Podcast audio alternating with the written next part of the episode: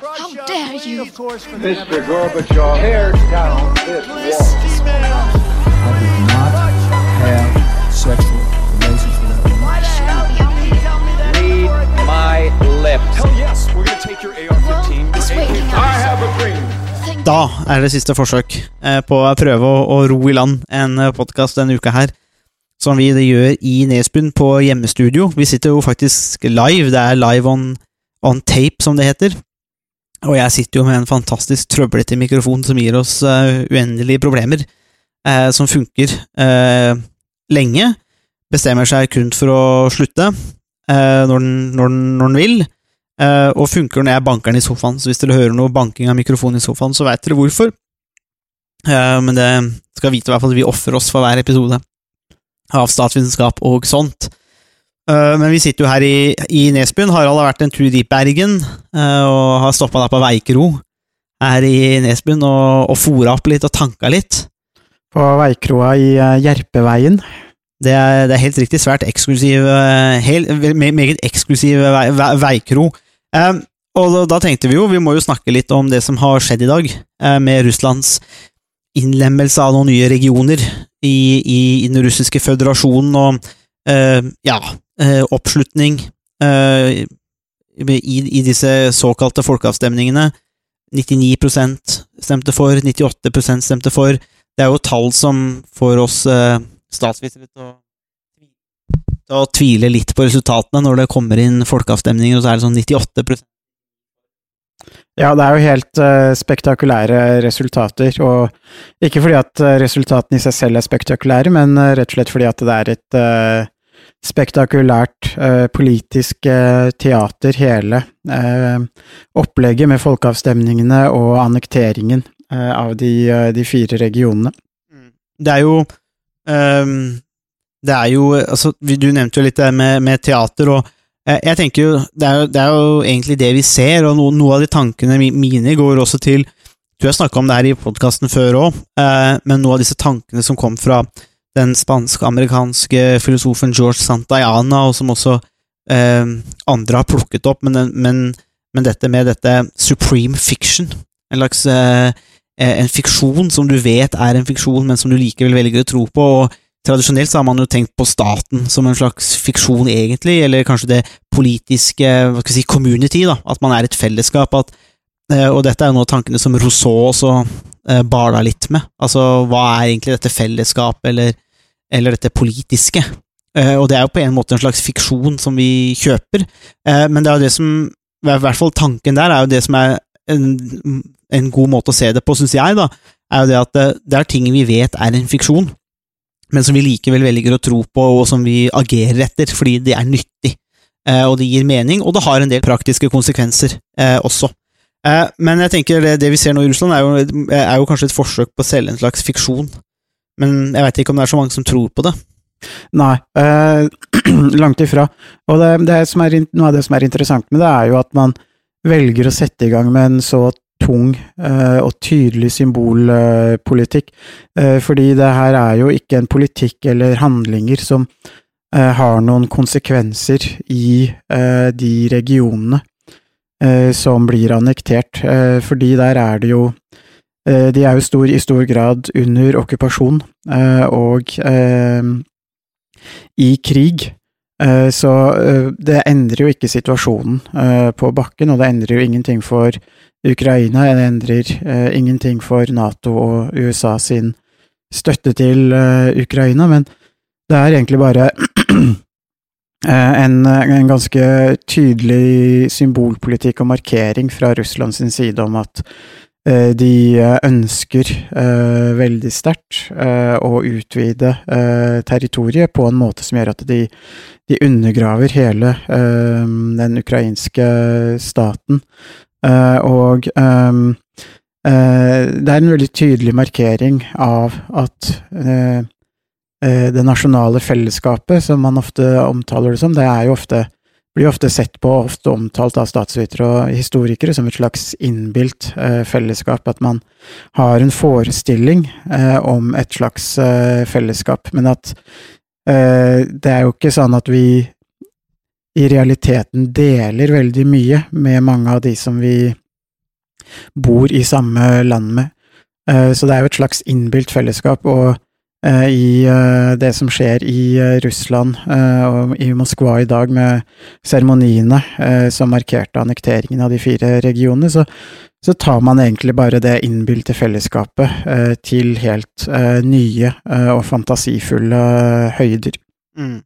Ja, det er jo ikke så veldig mange andre måter å se det på, tenker jeg. Eh, eller det, gir jo eh, mye mening eh, når man ser det på den måten. Er, man, man må jo innad i Russland nå må jo tenke liksom, er, hvor mange er det som egentlig tror på det her. Eh, men de satser vel på å ha en, kont en eh, total kontroll over informasjonen, og på den måten overbevise fol vanlige folk, da. Folk flest, den stille majoriteten om at jo, sånn er faktisk tingenes tilstand. Det er kanskje litt annerledes for oss, da, men vi er jo ødelagt av vestlig propaganda, så. Ja, uten tvil. Eh, vi, eh, vi er jo korrumpert eh, og dekadente.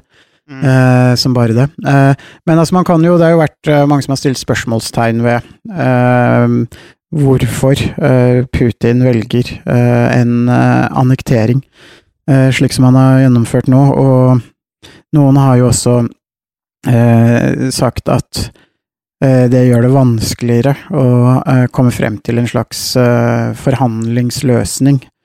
Men man kan jo også se det motsatt, og si at det er en uh, måte for Putin å bedre sin forhandlingssituasjon uh, på også, at han Mm. eh, forsøker å gjøre en, en svakere forhandlingsposisjon litt sterkere gjennom de tunge symbolmarkeringene og de det, mm, Popkonserten og eh, markeringen i Moskva i dag er jo en veldig billig måte eh, å forsøke å forbedre, eh, eller markere, at disse fire regionene skal tilhøre Russland, selv om det bare er symbolpolitikk eh, i eh, fullt og helt. Så er det en måte, i hvert fall kanskje, å forsøke å, å bedre en dårlig forhandlingssituasjon. Ja, for jeg tenker jo ikke, det er jo ikke nødvendigvis kanskje bare symbolpolitikk, selv om det er, det er jo teater og, og symbol, og det er symboltungt, men, men det har jo en del praktiske eh, konsekvenser òg, eh, og, og, jeg, liker det du sier om, om det å forbedre en dårlig posisjon, for jeg tror Putin og de, de rundt han, selv om det er en slags gruppetenkningssituasjon, og de heier hverandre opp og kanskje eh, ikke er så, får, får kanskje ikke så mye kritisk informasjon, da så tenker jeg likevel at eh, det du nevner med å, å, gjøre en dårlig posisjon bedre, dette er jo en måte å, å, på en måte få seg en seier på, altså at man eh, fordi krigen går jo ikke så fryktelig bra, men ved å gjøre det på denne måten, så kan man i hvert fall innad i Russland si at ok, eh, de, de, kan, de, kan, forsøke å selge dette budskapet som de har prøvd å indoktrinere folk med om hvordan sannheten i, i Ukraina er, og med denne innlemmingen av disse regionene, så kan de si at ok, se her. Eh, nummer to, det gjør også at de kan eventuelt mobilisere eh, vernepliktige styrker òg, for det handler om russisk territorium. Og så det tredje er jo, er jo det at eh, ettersom eh, i grunnlo russiske grunnloven åpner opp for å bruke kjernefysiske våpen for å forsvare territorium, så kan Putin bruke det som et eh, et, et, et, et, verktøy da, til å true Ukraina, og også kanskje Vesten, med, eh, og si at dette er en del av vårt territorium, og så kan vi og da åpner opp for bruken av vårt kjernefysiske arsenal, og på den måten så føler kanskje Putin og russiske myndigheter at de har fått seg en sterkere posisjon, for at da kan de åpenbart true eh, med det, og, det de gjør, er at de, de selger jo fortsatt og tror jo på denne løgnen sin om eh, Ukraina, hvor det bare er en gjeng med narkomane nazister, eh, som sikkert er homofile òg, og som, eller egentlig er alt som er vondt i verden, de er, er samla i Ukraina, og Vesten propper de opp. Uh, og så når du da selger den historien, og de tror på det, så gir det mening da å på en måte innlemme og så forsvare med kjernefysiske våpen. Så, det er en slags logikk der, men problemet er jo at det er jo ikke bare symboler heller, fordi at uh, de tross alt har gått til krig. og de sitter på verdens største arsenal av kjernefysiske våpen. Ja, så det er litt interessant at man bruker den type politisk teater og veldig symboltung retorikk og en veldig sånn symboltung seremoni. Og som egentlig ikke har noe Som endrer noe på selve bakken eller i selve krigen, eh, sånn i seg selv. Eh, men det, det sier jo også noe om at eh, symboler eh, og symbolpolitikk eh, har en, eh, en reell betydning eh, i, eh, i politikken. Eh, og sånn sett så, ehm, så det, kan det gi en viss eh, mening, selv om det er vanskelig egentlig å forstå og måte se relevansen av eh, det som har skjedd i, eh, i Moskva i, eh, i dag, i hvert fall sett, eh, sett utenfra. Men det er jo også noe som har vært et kjennetegn på denne konflikten helt fra den eh, begynte 24. eh, februar i år. For veldig mange analytikere sa på forhånd at eh, de ikke trodde det ville bli en fullskala invasjon, fordi det, det var ikke noe som ville være rasjonelt for Putin å gjøre, eller noe som ville Eller at det ville være hensiktsmessig på noen som helst måte, men likevel så gikk Putin til, eh, til det skrittet å invadere eh, Ukraina likevel, eh, selv om alle, eller ikke alle, men veldig mange sa på forhånd at det ikke ville skje. Og det samme, den samme måten å reagere på har man jo sett i perioden etter invasjonen også, hvor mange sa at nei, nei, det ville ikke bli noe mobilisering, eh, fordi det ville ikke være eh, hensiktsmessig. Eh, og så ble det likevel en eh, mobilisering, og det samme har jo også blitt sagt om den annekteringen som vi har eh, vært vitne til i dag, som, som også mange har ment ikke har vært hensiktsmessig, eh, av mange ulike grunner. Så man ser konsekvent, nærmest, at Putin gjør det som mange egentlig ikke forventer, eh, eller tenker er rasjonelt, så det er en helt annen måte å agere på enn det man mm. er, vil forvente hvis man eh, er eh, rasjonell og tenker kost-nytte. Eh, for eh, hvis man ser på hva krigen eh, har eh, kostet Russland, eh, så er det jo et tapsprosjekt eh, på mange måter, både i menneskeliv og eh, økonomiske omkostninger eh, og på alle andre mulige måter. Eh, Så man må på en måte ha et helt annet perspektiv eh, for at man skal tenke at Russland får noe igjen, eller får noe ut av en sånn krig som, eh, som det vi ser eh, Mm. eh, de siste månedene. De har jo i hvert fall en, en annen form for rasjonalitet, eller en annen syn på hva som måtte er rasjonelt for de, og det er jo det, er det som er litt vanskelig altså, Det viser jo også kanskje at rasjonalitetstanken, eller perspektivet, også kun tar oss så langt, da. Eh, når det kommer til å forstå sånne type handlinger, at man, man vil gjerne tenke hva er som er rasjonelt eller irrasjonelt, men eh, det er veldig mye annet som også kommer inn i dette bildet. Det er jo kanskje noe av det det viser oss, fordi jeg tenker, Særlig hvis du forfølger den rasjonalitetstankegangen som du skisserer her, Harald, så er det sånn når vestlige etterretningstjenester gikk ut i god tid og annonserte invasjonen av Ukraina, så er det liksom sånn at du du, du, du, du står og skal gjøre ditt første eller trekk på sjakkbrettet, for, for eksempel, og så står motstanderen og bare kringkaster hva du har tenkt å gjøre.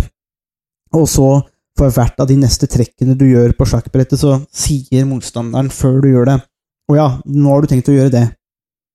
Og så gjør du det likevel. Eh, og det er jo spørsmålet hva, hvor, hvor rasjonelt er det egentlig, når du vet at du, du har blitt sett så i korta, og de veit så godt hva du driver med, det er ikke rein spekulasjon, og så gjør du det likevel. Eh, og da tenker jeg at eh, ja, kanskje denne, denne rasjonalitets, dette rasjonalitetsperspektivet ikke måte fanger hele den kompleksiteten, eller, eller hvor, klarer å forklare på en god måte hvorfor vi har havna der vi har havna. For det, det må jo helt klart være andre faktorer som spiller inn her, enn hva som er rasjonelt. Selv om jeg er jo enig, altså, det koster jo fryktelig mye penger, de taper masse folk, eh, det er enorme konsekvenser.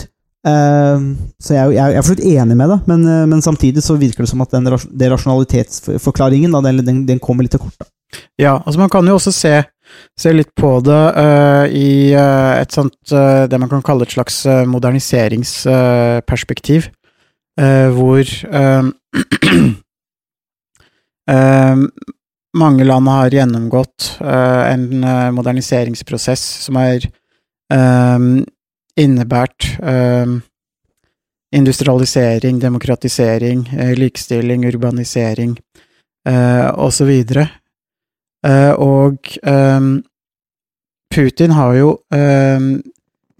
retorisk angrepet mange av de eh, dekadente trekkene som han identifiserer med Vesten og et, eh, det man kan kalle moderniseringer, og også kalt eh, det for en slags amerikanisering, hvor eh, USA eh, har bruker en slags bruker sin makt til å skaffe seg innflytelse i Europa og i Øst-Europa spesielt.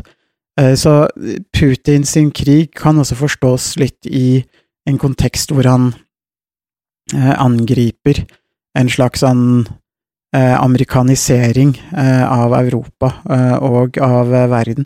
Men kan jo legge til at det er på mange måter en, en stor misforståelse i den forstand at modernisering fører til amerikanisering. Det fører til samfunnsendringer, men det er vanskelig å si at det utelukkende eller ensidig er en slags amerikanisering, eller at det er USA som tvinger den moderniseringen på eh, europeiske land, og da spesielt de østeuropeiske landene som, eh, som Putin ønsker som en slags eh, som en slags eh, buffer, men det er på en måte et eh, eh, det, det passer også inn, altså krigen i Ukraina passer også inn i denne retorikken og det angrepet på vestlig dekadens og mange prorussiske kommentatorer og bloggere har jo kritisert den uh, håpløst dekadente LGBT-hæren som Nato har. Uh, og nå har jo Russland fått uh, ganske kraftig juling av alle de LGBT-soldatene. Så det kan ikke være så altfor ille eh, likevel, men så, så man kan kanskje forsøke å få um, å, analysere krigen eh, med utgangspunkt i et ønske også om en slags et alternativ til eh, en slags eh, vestlig moderniseringslogikk, eller en vestlig måte å Mm. modernisere samfunnet på, som, eh, som Putin eh, og mange av hans eh, støttespillere har vært eh, kritiske til veldig lenge, og at krigen er en slags kulminasjon av den motstanden eh, mot en slags eh, modernisering, vestliggjøring av både politikk og økonomi. Mm, det er jo nettopp dette med Ja, ehm, og disse ideene. eh, og, og jeg, har lyst til å ta tilbake til dette denne, som jeg i hvert fall nevnte i stad, dette med denne eh, fiksjonen. Supreme fiction. For det, det er noe med det at det, det gir jo ikke så veldig mening sånn egentlig hvis man veier opp de rasjonelle argumentene for å gjøre denne krigen, men, men det man selger også, også, og jeg- Det er jo et interessant perspektiv, og det ser jeg flere har trukket frem også, dette med denne moderniseringen eller disse eh, eh, eh, konkurrerende sydene her, og Putins ønske om å gjøre noe annet. da, eh, Og gjenreise Sovjet eller Russland som en stormakt. Men da er vi også- litt tilbake til det der fiksjonselementet. fordi at det, å på en måte snakke om mye av dette Stor-Russland det det er jo også veldig kunstig. altså Disse grensene er jo kunstige. For, for det første, altså grenser er jo ikke er jo ikke objektive fakta i verden, men grenser er noe man blir enige om, for så vidt. Eh, men dessverre er det jo det Ukraina finner ut nå, at, eh, at Putin selger jo et slags narrativ, en historiefortelling om Russland som vel ikke har så veldig mye rot i virkeligheten nødvendigvis, eh, og, og skaper seg dette bildet. Og så agerer de på denne fiksjonen. Eh, og, og det er veldig rart, og det er veldig vanskelig, for da står man på utsiden og, og, og, se, og ser denne galskapen, så må man si til Russland og Putin at liksom Det her er jo bare tull. Og så står det likevel noen der, og så står likevel Putin på sitt og sier nei, nei, det er det ikke. Det, det, her, er, det her er sannheten. Det er dette, og, og det er en slags parallell til Trump òg. Trump var kanskje den som var aller best på det. Hvordan på en måte bare sånn Ok, president, du tar feil, og så bare Nei, det spiller ingen rolle. Eh, Og vi kan ha egne fakta, og, og, og det, det Alt er eh, relativt. Eh, Så jeg tenker at det viser jo også bare kanskje hvor, hvor kraftfullt og hvor stor påvirkning ideer da, og disse historiefortellingene kan ha i et samfunn. Ehm, og, det, og, bare tenk på det òg. Altså, vi kan jo historisk sett se at Norge har, kan jo egentlig gjøre historisk krav på noen områder nedover i Sverige. Vi har Jämtland og Herjedal, men også egentlig ned til, helt ned til Göteborg. Eh, kan, man jo, kan man jo egentlig si at dette er norske områder. eh, med, med, med, bakgrunn i historie. Men skulle, man, skulle Norge gå til krig i dag mot Sverige, basert på en historie om å gjenopprette Stor-Norge og et slags stort norsk rike, og, og den historien, så vet jeg ikke om nordmenn flest hadde kjøpt den. Er, og da har jeg lyst til å kalle det fiksjon. Eh, For jeg tror at den store suksessen i Norge var at man aksepterte grensen i 1905 og var ferdig med det. Um, og jeg skal, ikke si at Ukraina skal gjøre det samme. Eh, det, det, det er ikke poenget av den diskusjonen her. Poenget mitt er mer det at eh, for russerne så ser det ut til at de kan kjøpe den fiksjonen, mens jeg tror i, i de fleste andre land så kan du ikke selge den fiksjonen til folk flest lenger og si at å ja, vi må gå til krig for å gjenopprette noe ære og stolthet og historiske. Jeg tror ikke det narrativet har noe grobunn, da, for eksempel i de fleste andre land, i hvert fall i Europa. Ja, nei, så eh, Det er jo um, viktig, egentlig, at det var jo ikke bare Norge som aksepterte grensen i 1905, men også Sverige. Eh, For Norge løsrev seg jo fra Sverige i 1905, eh, og både Norge og Sverige aksepterte grensene. Og det er jo en litt sånn kuriositet, og det er kanskje ikke noe som har fått så mye oppmerksomhet i Norge, men på begynnelsen av eh, 1920-tallet så okkuperte jo Norge faktisk eh, Grønland. Eh, Og sendte Helge Ingstad eh, med et hundespann eh, som sysselmann til, eh, til Grønland. Eh, Og det var jo et brudd på folkeretten. Eh, Og det var jo et eh, illegitimt forsøk på å ta over eller ta tilbake eh, Grønland. Eh, og så, eh, etter litt frem og tilbake, så reiste jo Helge Ingstad tilbake med hundene sine. Eh, og da, det har jo vært eh, dansk territorie eh, både før og, og etter det. Eh, så det er jo litt sånn Norge har jo forsøkt å øke eh, sitt eget territorie.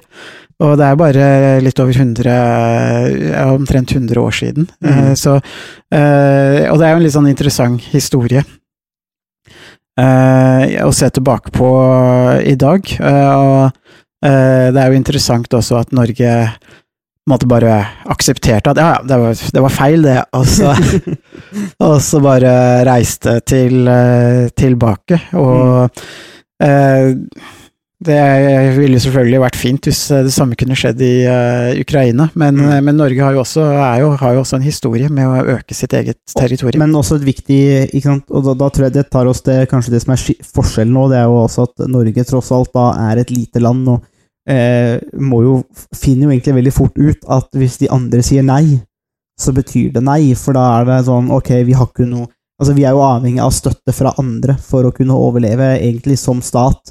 I hvert fall hvis vi tar den historiske konteksten fra 1905, så er det sånn man må agere hvis man skal overleve, og sånn er det langt på vei i dag òg. Mens i Russland så har man vel kanskje Man føler seg vel, i hvert fall kanskje det som er problemet til Putin, at han føler seg vel også kanskje at han har krav på da, eh, mye mer. Eh, mens eh, realiteten er vel at Russland er jo ja, et stort land, et relativt rikt land med store muligheter, egentlig. Eh, og, men men hvor, hvor kanskje ambisjonene til de som er leder, og drømmene, ikke står i stil med det Russland er i dag som en moderne nasjon. altså Da tenker jeg på moderne i 2022, da, i, i nåværende tid.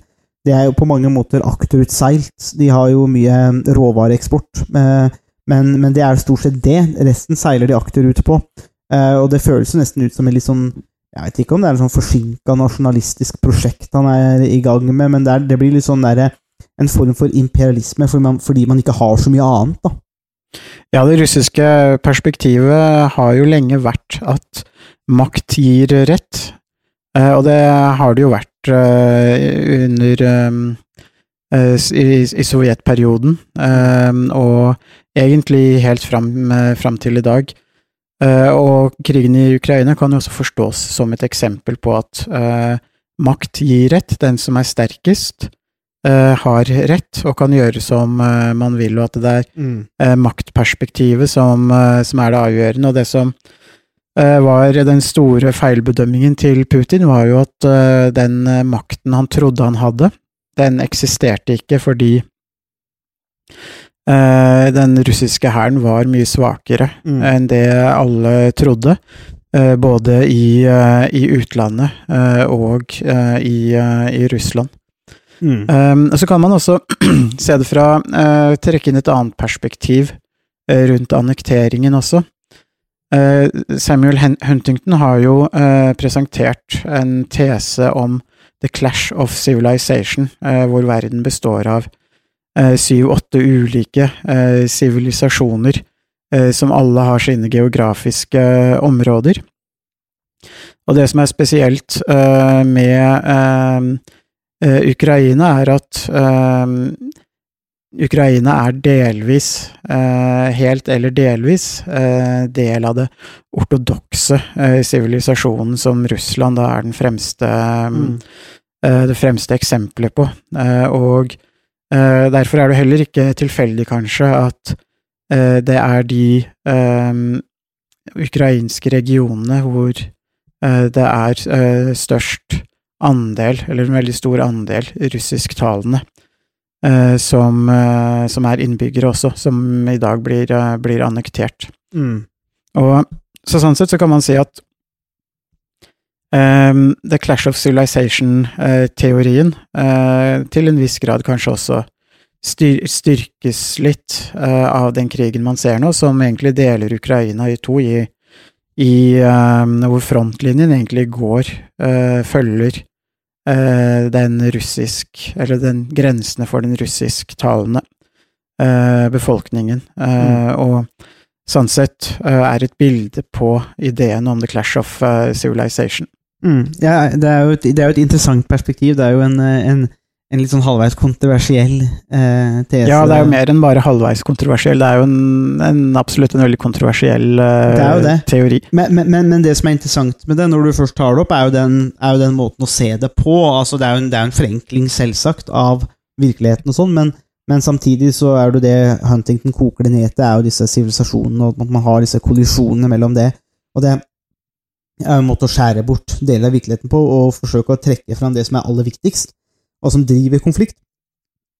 Og det er klart, det er jo mulig å Det er, det er jo helt klart en mulighet. Um, det er jo et interessant perspektiv. Jeg, jeg tenker jo også at kanskje mer at eh, det vi også ser som problem, er jo det at man har hatt dette enorme området under Sovjetunionen, eh, og så trekker man opp etterpå helt Altså grenser som ikke ikke er naturgitte på noen som helst måte. Altså, grenser er, er satt av mennesker, og man deler jo da tilfeldig inn mennesker eh, etter hvor de da plutselig havner på én side av grensa, selv om det ikke er noe som geografisk skulle tilsi det. og eh, Jeg husker da jeg var i Pakistan eh, på en konferanse der om terrorisme, så, så viste jo noen av disse sikkerhetsmyndighetene viste jo på en måte hvordan i en landsby hvordan den pakistanske afghanske grensa gikk gjennom en landsby, slik at eh, butikken lå på afghansk side, og, og, og moskeen lå på Eller afghansk, og den andre lå på pakistansk side. Og så, og så sto det internasjonale, internasjonale samfunn, og særlig USA, og sa ja, men dere må jo stoppe måte, eh, alle trafikken over grensa. Så er, hvordan gjør du det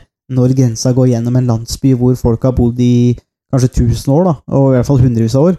Eh, og så bare går grensa sånn tilfeldigvis gjennom, og så skal man si at ok, det, dette må på en måte overvåkes og styres på en eller annen måte. Eh, og det viser jo på en måte hvor tilfeldig noen ganger disse grensene er. og det, det, det, er, det, er, er, tenker jeg, det er det som gjør det så vanskelig her, fordi at da har man eh, mennesker, samfunn, språk, kultur, alle disse tingene.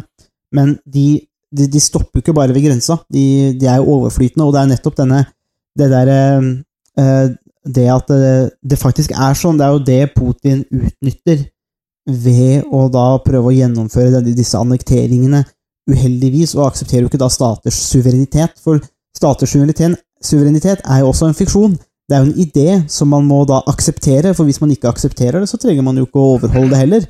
Men det, dette var jo litt av poenget med denne Vestfallen-freden og, og, og det systemet som ble etablert i etterkant, var jo nettopp det at stater er suverene, det gir en form for forutsigbarhet og sikkerhet. Eh, men, men igjen, det er jo kun et system som er, det er jo basert på at folk er enige om at sånn skal det være, da, og, og Putin er tydeligvis ikke enig i det. Nei, for det, eh, Putin har jo vært veldig tydelig på at han ønsker eh, å erstatte eh, det han kaller for en slags sånn eh, amerikansk dominert verdensorden. Og veldig mange, både i Latin-Amerika, Afrika Asia, kan jo kanskje være enig i en måte en slags kritikk om et slags eller mot en USA-styrt verdensorden. Eh, Så sånn i seg selv så er jo det noe som eh, kan ha en viss eh, appell, og også være med på å forklare noe av den um, om enn litt lunkne støtten som Putin har fått eh, i deler av, eh, av verden. Hvor han blir, kanskje blir sett på som en som en sterk leder som tør å protestere mot en USA-dominert eh, verdensorden. Men problemet, og det som kanskje noen av de landene og noen av de politikerne som har gitt en slags, eh, om enn eh, kanskje forbeholden eh, støtte, eller i hvert fall ikke en direkte avvisning eh, av Putins invasjon, eh, det de ikke kanskje tar inn over seg, eh, er at den alternative verdensorden som eh, Putin ønsker å innføre, det er en verdensorden hvor man ikke respekterer ideen om eh, staters eh, suverenitet, og hvor det er makt som gir eh, rett. Eh, Og det er en verdensorden som kanskje eh, noen få sterke land vil tjene på. Hvis Russland hadde vært så sterkt militært som det de trodde, så ville de kanskje tjent på det, fordi da kunne de utfordre eh, både Europa, Nato og USA. Eh, Men så har det vist seg å være mye svakere enn det som man eh, antok. Eh, Og men de aller fleste landene i verden er relativt små, og de er ikke sterke nok til å kunne stå helt alene, og til å kunne stå u- til å klare eh, alle de mulige militære konfrontasjonene som en maktbasert verden eh, vil innebære. Så sånn sett så vil de aller fleste av de landene som, eh, som så langt ikke har fordømt eh, Putin sin, eh, sin invasjon, de vil faktisk komme, vil jeg påstå, komme dårligere ut med en den verdensorden som Putin eh, tar til orde for, hvor det er kun ren eh, makt som, eh, som er avgjørende. Det er et, det er et godt poeng. Altså, er, jeg, jeg tenker at uh, sterk, den, er, den er ikke sterkest, den som står aleine. og det er jo nettopp fordi det, tenker jeg, det er nettopp det du nevner, at de aller fleste stater trenger denne backingen. Eller dette De fleste vil tjene på at det er en form for lov og orden, hvis vi kan si det på den måten, i det internasjonale systemet, for det gir noen klare spilleregler som man kan fungere innenfor. Det gir forutsigbarhet, og, og det er jo også nøkkel til menneskelig altså velstandsøkning. Eh, hvis man hele tida er, er redd for å overleve, eller sliter for å overleve og må kjempe for å overleve, så er det også kun det man gjør. Eh, og det, uh, sånn, sånn uh, blir, det, blir det lite um, sivilisasjonsbygging og utvikling av, egentlig, og det blir veldig lite mulighet for det som noen, i hvert fall i, i sikkerhetsstudiene, kaller de, de, Man mister muligheten til å, å utforske hva det vil si å være menneske, eh, når man kun kjemper for å overleve, og det er jo, det er jo egentlig det, noe av det jeg tar fra poenget ditt der, Harald, så det er egentlig, egentlig helt enig der, men eh, jeg tenker det gjør det for den for, eh, nok for denne episoden av statsvitenskap og sånt. Jeg tror vi kom oss gjennom med denne mikrofonen som er lunefull, eh, men lytterne får bare beklage hvis det ble noe, ble noe bråk der. Men eh, det, det var ikke planlagt. Eh, men, men sånn blir det når vi tar live on tape på, på mens Harald er på vei til, til Bergen, og vi, vi stopper å gjøre det. Så det er uansett, det er jo så mye å snakke om, så vi måtte jo ta muligheten. Og det ser ut til å ha holdt akkurat dette med opplegget her, men det, igjen, det får bare beklage hvis det er litt dårlig lyd. Men vi får følge utviklingen videre med, med lumske Putin, for det har enorme konsekvenser for samfunnene våre. Eh, nettopp bare det, å bare tenke seg hva som vil skje, eksempel, hvis man aksepterer at de sterkeste bare kan gjøre sånn som de vil. Eh, hva det vil faktisk vil bety for, eh, for andre. Det er ganske store konsekvenser som vi på en måte ikke har trengt å tenke på på en god stund. I hvert fall ikke siden Sovjets fall, så har man kanskje ikke tenkt i de, de baner i hele tatt. Og det var kanskje derfor for mange så virka det så fjernt at Putin helt tatt skulle eh, erklære en, en krig, nærmest, da, og gjennomføre en invasjon, selv om den har vært mislykka. Så det viser bare at det er, fortsatt er relevant. Men eh, da ses vi og høres vi neste uke, og da er vi kanskje tilbake i Halden. Vi får se. Eh, eller kanskje vi er på Nesbyen. Vi vet aldri. Takk for at eh, du hørte på Statsvitenskap og sånt. Har du spørsmål, kommentarer eller tilbakemelding, så er det bare å ta kontakt på vår Facebook-side, per e-post eller brevdue. Musikken er som vanlig laget av Robin Horvath, og Mats Halvorsen mikser og redigerer podkasten. Vi høres!